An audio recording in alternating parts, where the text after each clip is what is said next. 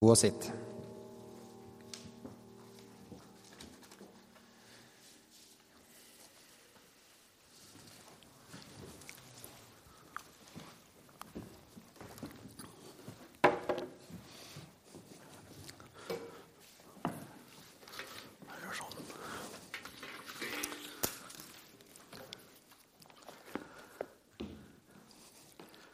Kjekt å se dere, alle sammen. God søndag og Guds fred. Det er fantastisk med en søndag. Hva? Hviledag. Slappe av.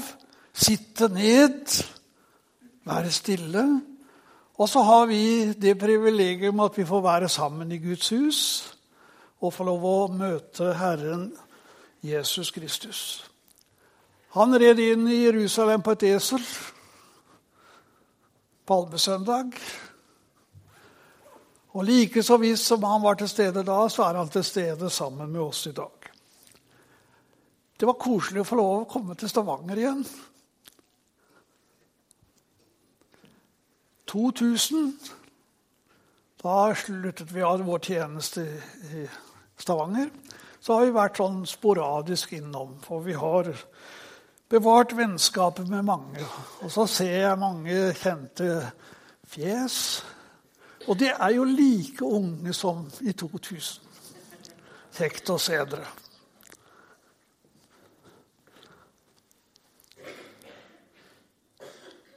Jeg vil be en bønn.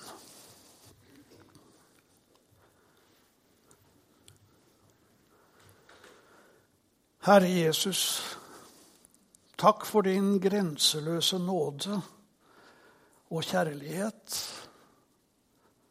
Takk at du lever og er nær oss og ønsker å tale til oss. Og så stiller vi oss fram, og så ber vi. Tal, Herre, og åpne våre øyne, så vi kan se deg.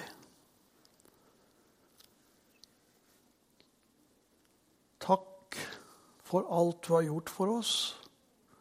Og takk at du er herre og konge i vårt liv og ønsker å være det og lede oss på den rette vei. Velsign hver enkelt som har kommet til gudstjenesten i dag.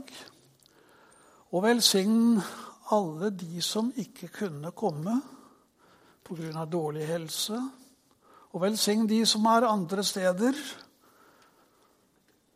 hvor de feirer påske. Og så ber vi deg for de unge som er samla på leir, at du vil velsigne de og komme de i møte. Og la de få erfare deg på en slik måte at, de har, at det sitter for hele livet. Jeg ber deg at du skal velsigne menigheten her og alle de som står i ledelsen, og de som er ansatt. Herre, la ditt rike vokse og gå fram. Det ber vi om i Jesu navn. Amen. Jeg har forstått det sånn at dere sysler med trosbekjennelsen. Jeg tror ikke sant? Og vi skal ha den litt senere. Og jeg skal ta et lite ledd, jeg også, i dag. Jeg tror på Jesus Kristus. Og så handler det litt om påske. Temaet handler egentlig om, om han som ga sitt liv for oss. Som ble pint under Pontius Pilatus og ble korsfestet. Og så har jeg lyst til å bruke den teksten som vi hørte innledningsvis i dag. En palmesøndag-tekst som skal føre oss liksom litt inn i det. Palmesøndag er egentlig en forunderlig dag. Jesus red inn i Jerusalem, ble mottatt og hyllet som Guds Messias, den store frelsekongen. Begeistringen lød. De svingte ved palmegrener, jubler høyt. Og likevel, når vi hører det, så kan vi lett reservere oss for jubelen. Og ikke la oss engasjere, fordi vi kjenner historien. Og vi vet at den samme flokken som ropte 'Hosianna, Hosianna', de ropte noen dager senere 'Korsfest ham, korsfest ham'. Og Likevel så har det der inntoget i Jerusalem en profetisk ramme. Det hele skjedde slik som profeten hadde forutsagt, selv om ikke alle var like bevisst om hva som egentlig skjedde. Tenk at det står om disiplene palmesøndag i Johannes 12, som vi har lest fra i dag. I vers 16 så står det dette skjønte ikke disiplene med det samme. Tenk det. De burde jo være de første til å forstå at her skjer det noe. Men det står Dette skjønte ikke disiplene med det samme. Men da Jesus var blitt herliggjort, husket de at dette sto skrevet om han, og at folket hadde hilst ham slik. Da fikk de liksom perspektivet på det. Og likevel så var dette inntoget Guds vilje. Han ville vise fram sin enbårne sønn, vår Herre, slik han virkelig var før lidelsen begynte. Og Blant mengden så var det altså en, en flokk med grekere. De hadde sine tanker, de hadde sine spørsmål. De tok tak i disippelen Philip og sa, 'Vi vil gjerne se Jesus.' Eller som det ble lest i teksten i dag, 'Vi vil gjerne møte Jesus'. De forskjellige oversettelsene har litt forskjellige ord her. Vi vil gjerne se Jesus. Og så formidles dette ønsket til Jesus. Og så finner vi svaret hans i teksten. Og La oss stille oss sammen med grekerne og høre hva Jesus vil vise oss. Hvilken person som tegnes for oss. Hvordan ønsker Jesus at vi skal se ham, slik at vi kan tro på ham? Jesus sier ikke 'Gå og fortell, fortell dem at, Las, at jeg vakte opp Lasarus fra de døde'. Han sier heller ikke 'Gå og si til disse grekerne og fortell dem om den dagen jeg metta 5000 med to fisker og fem brød'.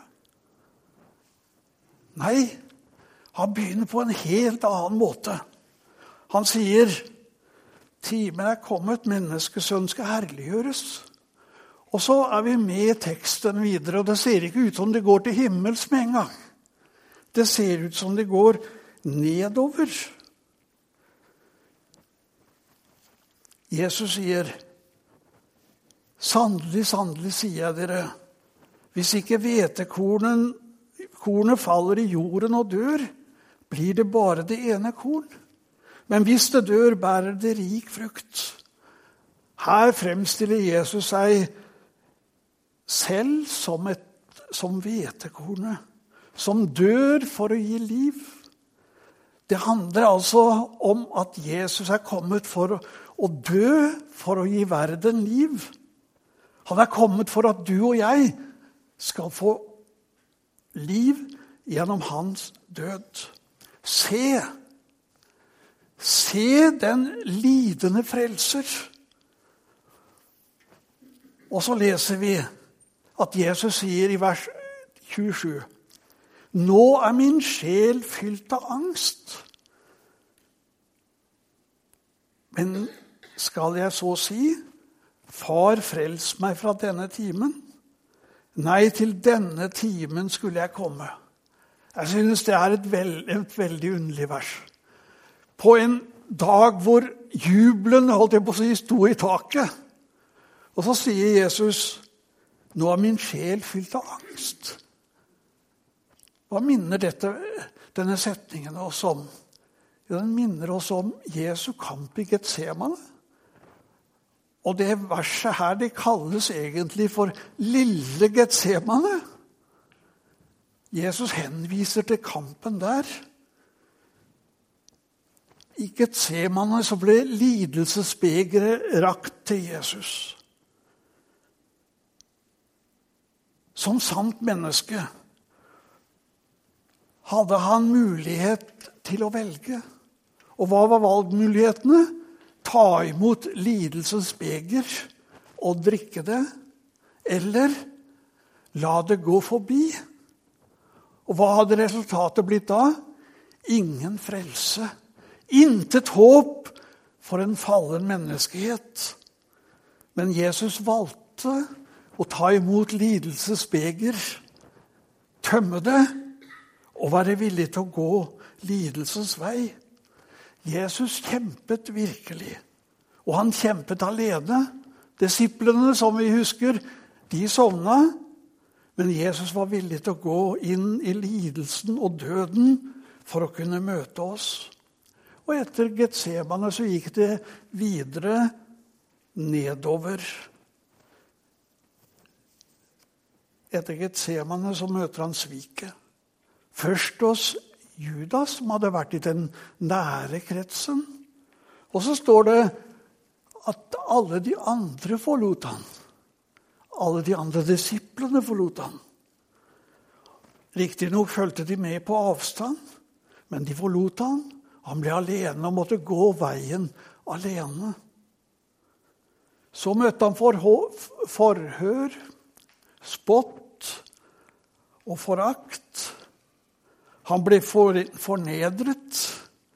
Han ble spyttet på, men han tålte det. Han ble slått, men han slo ikke igjen. Han ble utskjelt, men han skjelte ikke igjen. Han led i stillhet. Han ble pisket, slått, mistrodd og utskjelt som den verste Guds bespotter. Og jeg tror at Jesus ville at vi skulle se at han er den lidende Messias. Han gikk via Dolorosa Dolorosa, smertens vei. Han ble ført til korset og bar selv korset før han segnet under byrden. Den lidende Herrens tjener. Se den korsfestede frelser. Og han sier, 'Når jeg blir løftet opp fra jorden, skal jeg dra alle til meg.' Dette sa han for, at, for å gi til kjenne hva slags død han skulle lide. Det er helt tydelig at Jesus peker på at han skulle gå til korset. Lidelsens vei, og så skulle han gå til korset. Han, den store kongen. Blir løftet opp, slik Moses løftet opp slangen i ørkenen. Slik må menneskesønnen bli løftet opp, for at hver den som tror på ham, skal få evig liv. Profeten Jesajas han skildrer flere hundre år før Jesus hans lidelse og fornedrelse. Hør her, fra, fra Jesaja 52. Se, min tjener skal ha framgang. Han skal opphøyes og løftes opp og bli svært høy, slik mange blir forferdet over ham. Og så står det videre i Jesaja 53. Hvem trodde budskapet vi fikk? Hvem ble Herrens arm åpenbart for? Han skjøt opp som en spire for hans ansikt som et rotskudd av tørr jord. Han hadde ingen herlig skikkelse vi kunne se på, ikke et utseende vi kunne glede oss over. Han var foraktet, forlatt av mennesker, en mann av smerte, kjent med sykdom, en de skjuler ansiktet for. Han var foraktet. Vi regnet ham ikke for noe. Sannelig, våre sykdommer tok han. Våre smerter bar han. Vi tenkte han er rammet, slått av Gud og plaget. Men han ble såret for våre, våre lovbrudd, knust for våre synder. Straffen lå på ham. Vi fikk fred. Ved hans sår ble vi helbredet. Så skildrer dette frelseren. Han ble oppløftet han ga sitt liv. Han bar våre synder opp på korsets tre. Han gjorde opp for alle våre synder. Han brakte forsoning med Gud og frelste oss fra døden og dommen. Og vi som har leser evangeliet, vi har hørt ordene 'Det er fullbrakt'. Det lød fra Jesus da han hang på korset. Se den seirende frelser. Jesus sier også nå holdes dom over denne verden. Nå skal denne verdens fyrste kastes ut. Det ble lest i teksten. Selv om det så ut som det var nederlaget, det store nederlaget da Jesus døde på korset, så var egentlig det seierens øyeblikk. Han vant over de onde krefter. I Koloss Kolossebrevet så lyder det slik Han kledde maktene og åndskreftene nakne og stilte dem fram til spott og spe da han viste seg som seierherre over dem på korset. Han avslørte ondskapens krefter, overvant djevelen, og så står Jesus der som den sterkeste. Han har overvunnet den ondes makt han har også overvunnet dødens krefter. La oss stille oss sammen med grekerne og høre og se. Der hvor du skriver 'Jeg vil ikke vite noe annet blant dere enn Jesus Kristus og Han korsfestet'. Ingen kan legge en annen grunnvoll enn den som er lagt. Det er Jesus Kristus. Det er grunnvollen for vår frelse. Se og bekjenn. Jeg tror på Jesus Kristus, Guds enbårne Sønn, vår Herre, som ble unnfanget ved Den hellige ånd, født av jomfru Maria, pint under Pontius Pilatus, korsfestet, død og begravet, for ned til dødsriket, sto opp fra de døde tredje dag. Sant? Og noe av det som jeg har nevnt nå, det er troens grunn. Jesus død for våre synder. Jesus led for oss for at vi skulle bli frelst. Tror du dette? Bekjenner du dette? Bekjenne betyr egentlig å si det samme som, eller si seg enig i. Og ordet 'bekjenne' det brukes også i betydning å kjennes ved eller ta standpunkt for. Jeg syns det er verdt å tenke over. At trosbekjennelse er ikke bare et munnhell. Det er ikke bare et ord, men det er noe som vi virkelig tror og satser på og mener av hele vårt hjerte, og som vi er villige til å virkelig ta et standpunkt for. Jesus sa, 'Hvis ikke hvetekornet faller til jorden og dør, blir det bare det ene korn.' 'Men hvis det dør, bærer det rik frukt.'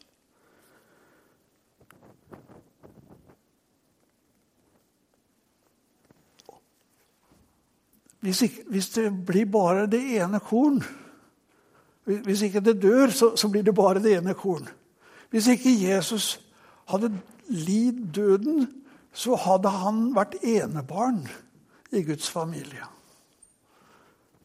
Da ville han vært Guds eneste sønn. Men i dag så består Guds familie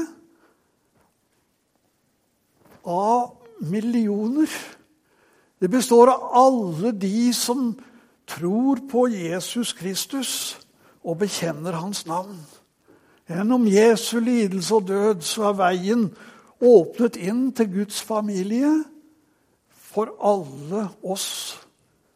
Hver den som tror på Jesus, død for våre synder, oppreist i vår rettferdighet, får retten til å være Guds barn og bli innlemmet i Guds familie. Jesu død blir til liv for verden og bærer rikelig frukt til denne dag. Se hvetekornets lov. Se hvetekornets lov. Disiplene var de første. Så ble 3000 frelst på pinsedag. Og så fortsatte det, som vi leser om i apostelgjerningene. Hvordan evangeliet sprer seg ut i den da kjente verden. Og så fortsetter dere i dag mennesker blir frelst og innlemmet i Guds familie. Jeg har lest noen bøker i det siste om muslimer som plutselig begynner å tro på Jesus. De får se syner. Ja, plutselig så opplever de at Jesus står foran dem. Og så omvender de seg, og så får de en sterk Jesus-tro. Og noen, de må eh, besegle sin tro med å gi sitt liv. Og de ble rett og slett tatt livet av av de andre muslimene. Men de har en opplevelse av, av den korsfestede, av Jesus Kristus, den levende. Jeg syns det er flott å tenke på. Evangeliet bærer rik frukt i verden i dag. Og så skal hvetekornets lov eh, være en utfordring til oss som etterfølgere i dag. Vi skal praktisere den samme loven. Den som elsker sitt liv, skal miste det. Og den som hater sitt liv i denne verden, skal berge det og få evig liv. Den som vil tjene meg, må følge meg, og der jeg er, der skal også min tjener være. Jesus sa det omtrent på samme måten i Matteusevangeliet. Om noen vil følge meg, må han fornekte seg selv og ta sitt kors opp og følge meg. Den som vil berge sitt liv, skal miste det. Men den som mister sitt liv for min skyld, skal finne det. Philip og Andreas og de andre apostlene fulgte Jesus og ga sitt liv i tjeneste for andre. De tenkte ikke bare på seg sjøl. De tenkte på det andre, og de tjente andre. De løfta andre, og de bar andre. De vitna om Jesus i ord og handling. Og så ønsker Jesus at vi skal følge i deres spor. Det er sagt at martyrenes blod er kirkens sed. Og slik har det ofte vært.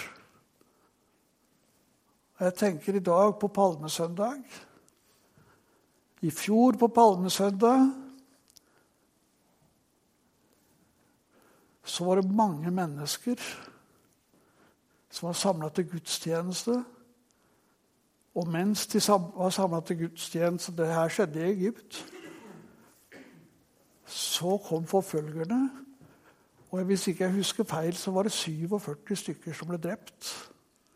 Fordi de fulgte Jesus og sammen i hans navn. Kanskje vi også må forberede oss på at det kan bli trangere kår for den som vil tro på Jesus og følge ham. Vi bekjenner at vi tror. Bekjennelse, tro og handling hører sammen. Trosbekjennelsen er ikke bare et munnhell. Den er heller ikke uttrykk for en mening. Men det er altså å gi sin tilslutning til ta et standpunkt for og kjennes ved. Dersom du bekjenner Herren Jesus med din munn og tror i ditt hjerte at Gud har oppreist ham fra de døde, da skal du bli frelst. For med hjertet tror en til rettferdighet, og med munnen bekjenner en til frelse. Se på Jesus. Tro på ham. Bekjenn tro på hans navn, og søk å leve livet ditt slik han har kalt deg til. Amen. Takk, Jesus, for at du var villig til å gi ditt liv for oss. Takk at du var villig til å tåle spott, smerte, lidelse og forakt for vår sjel. Takk at du var villig til å la deg spikre til korset fordi du ville gi oss evig liv. Hjelp oss i tro og bekjennelse og vandre i dine spor. Hjelp oss til å leve slik du har kalt oss til. Og så vil vi be for alle de som blir forfulgt for ditt navns skyld rundt omkring i verden. Vær du hos de og med de, og la ditt rike få vokse. Det ber vi deg om i Jesu navn. Amen. Og da vil jeg at vi skal be, eller bekjenne, troen vår. Og jeg, jeg vil utfordre deg til å reise deg, og så bekjenner vi troen på Det kommer på skjermen.